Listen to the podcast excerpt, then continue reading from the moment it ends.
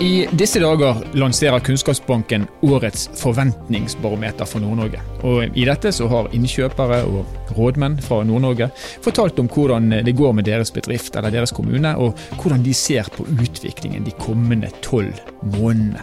En tilsvarende undersøkelse ble også gjort i 2019. Men der 2019-målingen var prega av gjennomgående optimisme, er 2020-målingen prega av det motsatte. Hva er det som har endret seg, og hva kan vi vente oss av det neste året når vi snakker om økonomi og økonomisk vekst? Dette er Nord-Norge i verden. Mitt navn er Stein Vidar Loftaas.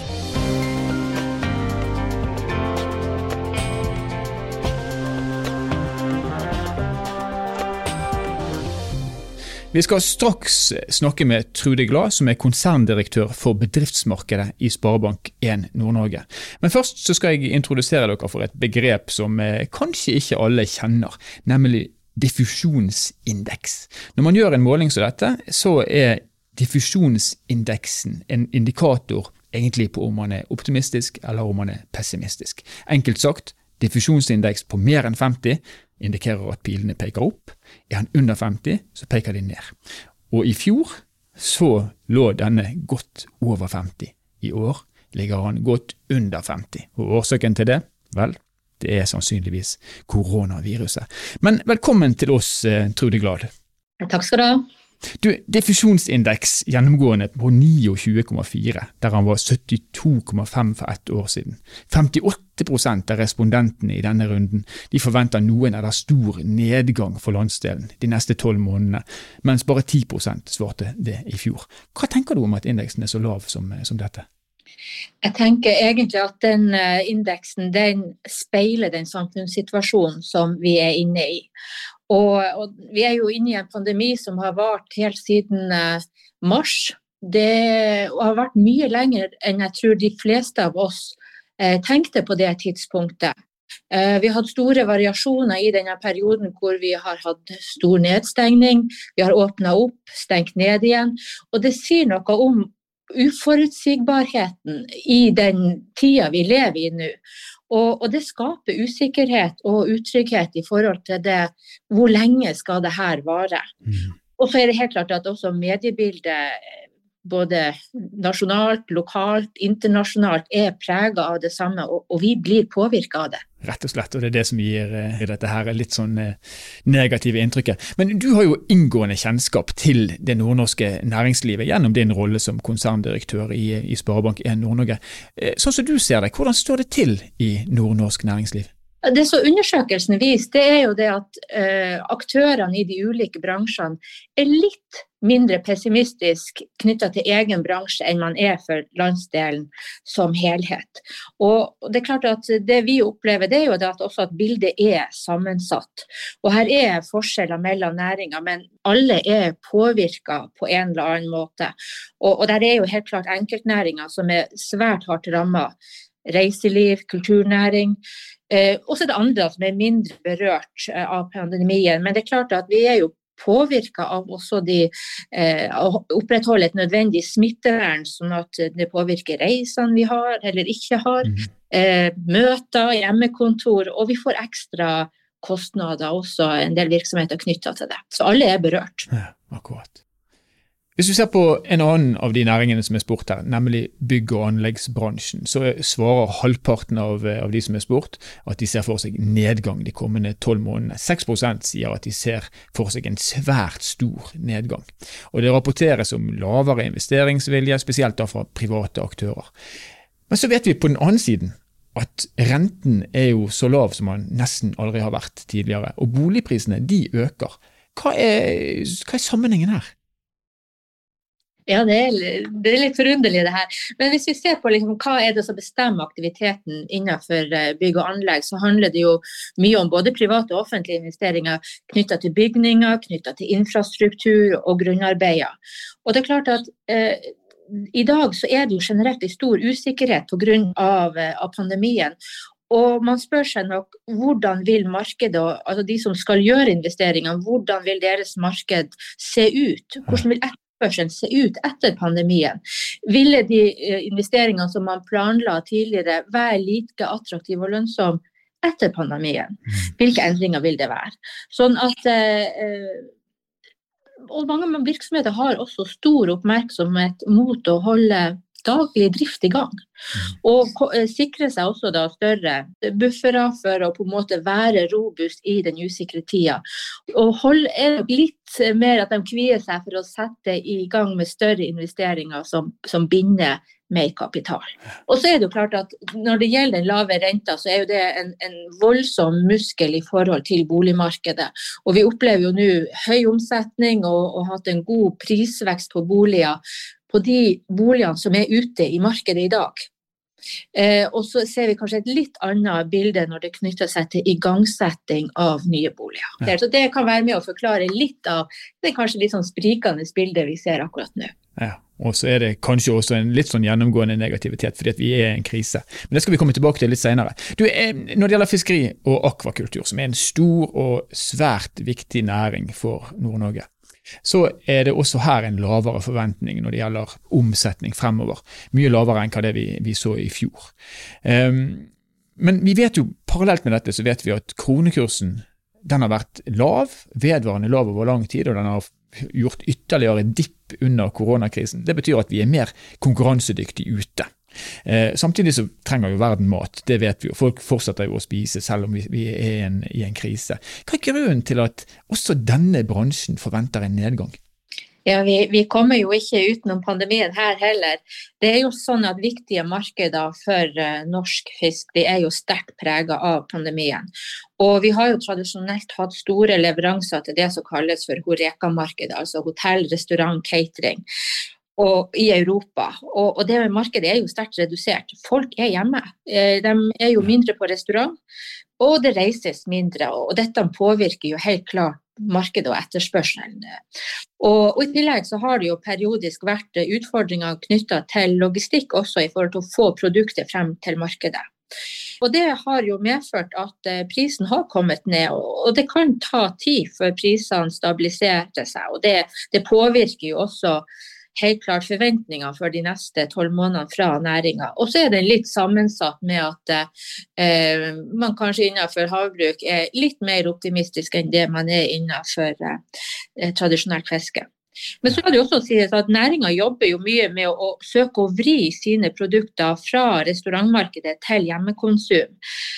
Men det må nødvendigvis ta noe tid. Det har noe med å etablere salgskanaler, det å, tilpasse produktene sine til et hjemmekonsum. Ja. Og det er, det er vel også kanskje slik at når eh, mange i verden får mindre penger å rutte med, så, så, kjøper de andre produkter kanskje enn det de har gjort eh, tidligere. Det er også en dimensjon med det. Mm. Du, en annen ting er, Vi har også spurt i undersøkelsen eh, så er det også spurt det offentlige. Eh, og det offentlige er òg langt mer negativ enn sist. I fjor så var diffusjonsindeksen på 75 eh, hos de offentlige som var spurt. I år er han 26,7. Men det offentlige er jo finansiert eh, på en helt annen måte enn det private. De får jo pengene sine over statsbudsjettet. Hvorfor er stemningen såpass lav også i det offentlige? De har nok forventninger om en tilstramming i den økonomiske situasjonen innenfor sin del av offentlig sektor.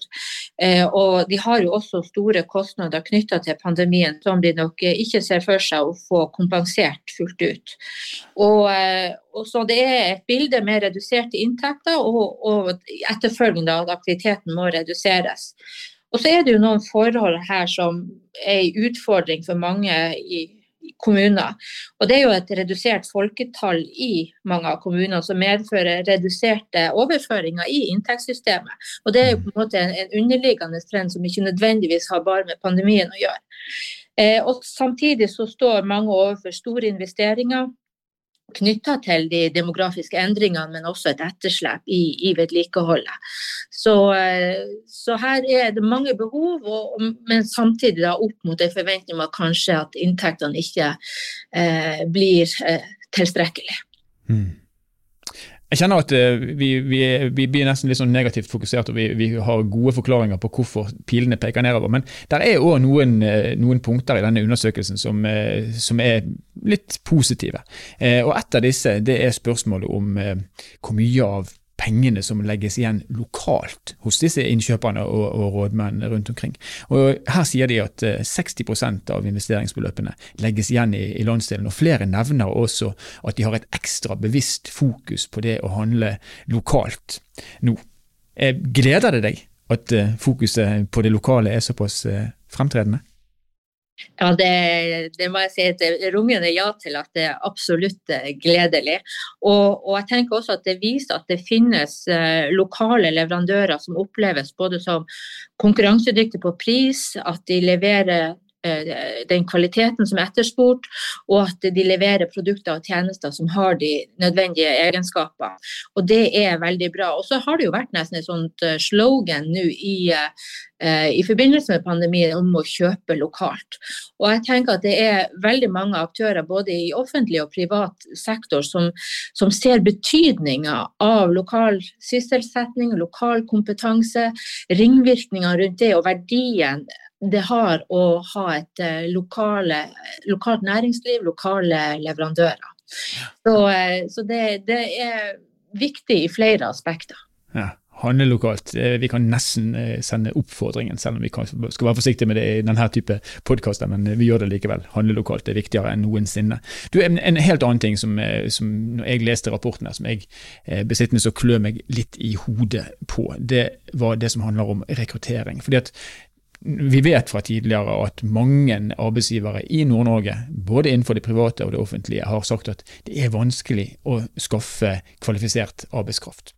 Det svaret det får vi også i 2020. Men vi vet jo at arbeidsledigheten den har jo økt etter koronakrisen. og Jeg så helt eh, nye tall som sa at det var 6000 flere helt arbeidsledige bare sist uke. Hvorfor blir det ikke lettere å rekruttere kompetent arbeidskraft når arbeidsledigheten er høy? Kjernen i det er vel egentlig at eh, de som blir arbeidsledige i dag, eh, om de har den kompetansen som er etterspurt der det er ledige stillinger. At vi faktisk står i en situasjon hvor vi har en strukturell ledighet. Og, og det har man behov for å bruke litt tid for å kvalifisere de som er arbeidsledige i dag, til å ha de nødvendige kompetansen eh, for å kunne ta de ledige jobbene. Og Det håper jeg jo egentlig at uh, mange ser mulighetene. Her er jobber, men man må kvalifisere seg sjøl, kanskje gjennom utdanning, kursing, for å kunne være aktuell for de, for de stillingene. Så, uh, så der, her er vi i et skift, og, og, og, da opplever vi den situasjonen som er i dag. For det, det er behovet for spesialkompetanse er definitivt til stede. Og der er eh, god, mange mellom god tilgang på ufaglært kompetanse. Og så er det noen problemstillinger at det er, det er mer krevende i grisgrendte strøk enn i sentrale strøk. Og så er det jo som du var inne på, egentlig at bygg og anlegg er den næringa med størst utfordringer til å få kvalifisert arbeidskraft. Mens vi ser f.eks. innenfor fiskeri og havbruk er de som melder om den største endringa fra i fjor til i år i forhold til å få tilgang på kvalifisert arbeidskraft. Ja. Men dere jobber ledig, og kanskje er dette tiden til å, til å, tenke litt på å snu sin egen kompetanse, så vil det åpne seg nye muligheter. En eh, liten oppfordring kanskje der også.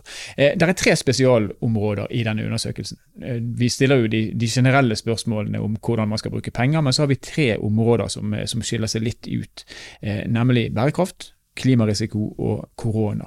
Og Bærekraft eh, det var også et av spørsmålene i undersøkelsen i 2019. Og I 2019 så var det gjennomgående at alle sa at det er viktig, det kommer til å prege oss, det kommer til å prege måten vi, vi gjør innkjøp på osv. Og, og så ser vi i 2020 altså Temaet er, er, nærmest mer hot enn noensinne, men nå virker det som at man ikke lenger syns at det er like viktig.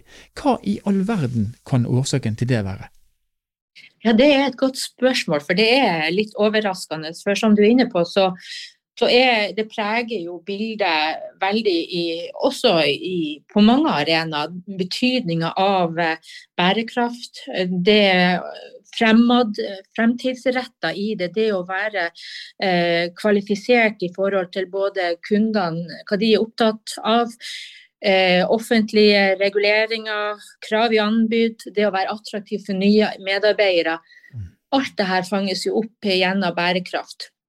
Og, og så er vel det kanskje ikke undersøkelsen helt konkluderende på det, men, men spørsmålet er jo om, om, korona har tatt så mye oppmerksomhet og, og, krefter og ressurser at det her har kommet litt lenger ned på prioriteringsstigen. Ja så er det nok også et faktum at det er for mange ledende virksomheter så, så har man i, i større grad si, integrert bærekraft som en del av virksomheten. Men, men vi har også en del si, etternølere som fortsatt ikke tar bærekraft på, på alvor. Og, og, det er jo litt bekymring, for det er klart at eh, henger man ikke med i timen her, så, så, på en måte pådrar man seg også en, en økonomisk risiko ved å ikke sette bærekraft på agendaen. Ja. Så det er et, et viktig område. Og, og, og, mange sier jo i undersøkelsen også at i forhold til fremtidige strategiske valg, så kommer også bærekraft til å, være viktig, men kanskje ikke akkurat nå.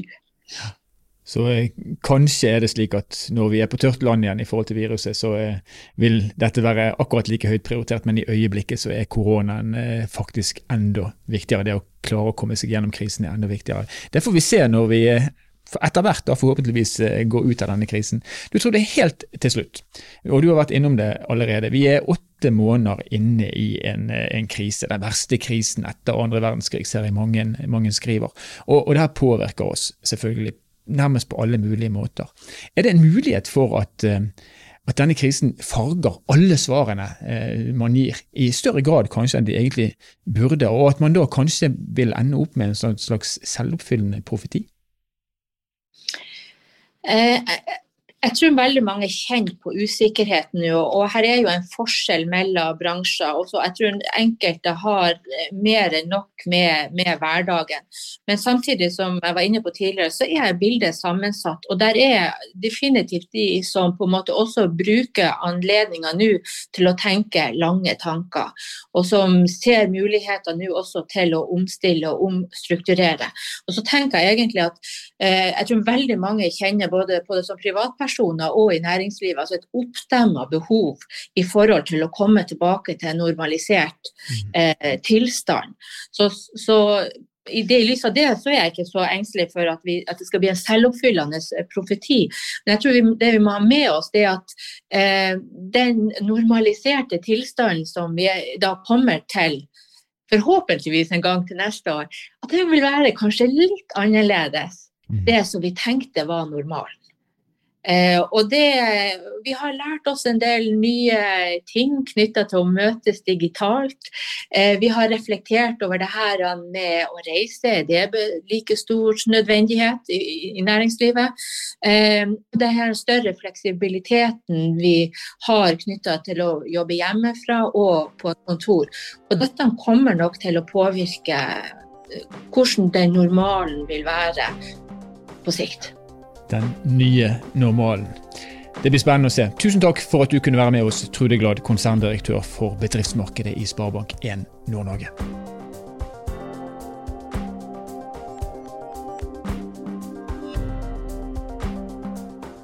Forventningene til den økonomiske utviklingen i Nord-Norge er altså dunkel, kan vi kanskje si. Der vi var knalllys i 2019, så er vi tilsvarende mørke i 2020. Og det er kanskje ikke så rart, fordi at vi står i en krise, og når man står i en krise, så farger det både måten vi tenker på, og selvfølgelig er det også en del bransjer som direkte lider under det som skjer. Og så skal vi si da, eh, eller skal vi legge til på den positive siden, at mye av det som skjer i Nord-Norge, går fortsatt som det har gjort hele tiden. Mye går bra. Vi produserer varer verden vil ha. Vi produserer mat. Vi, har, eh, vi nyter godt av en vedvarende svak krone som gjør det enkelt å være eksportør. Så det er ikke helsvart. Og nå vet vi òg at i hvert fall tre forskjellige vaksiner er på vei, og kanskje er det lyset i enden av tunnelen som Trude Glad var innom i, i dette intervjuet. Det kan vel neppe bli verre fremover. Vi tror på en lysere og mer smittefri fremtid. Og en oppgang da for det nordnorske næringslivet. Nord-Norge i verden er en podkastserie som er produsert av Sparebank1 Nord-Norge i samarbeid med Helt Digital. Mitt navn er Stein Vidar Lofthus.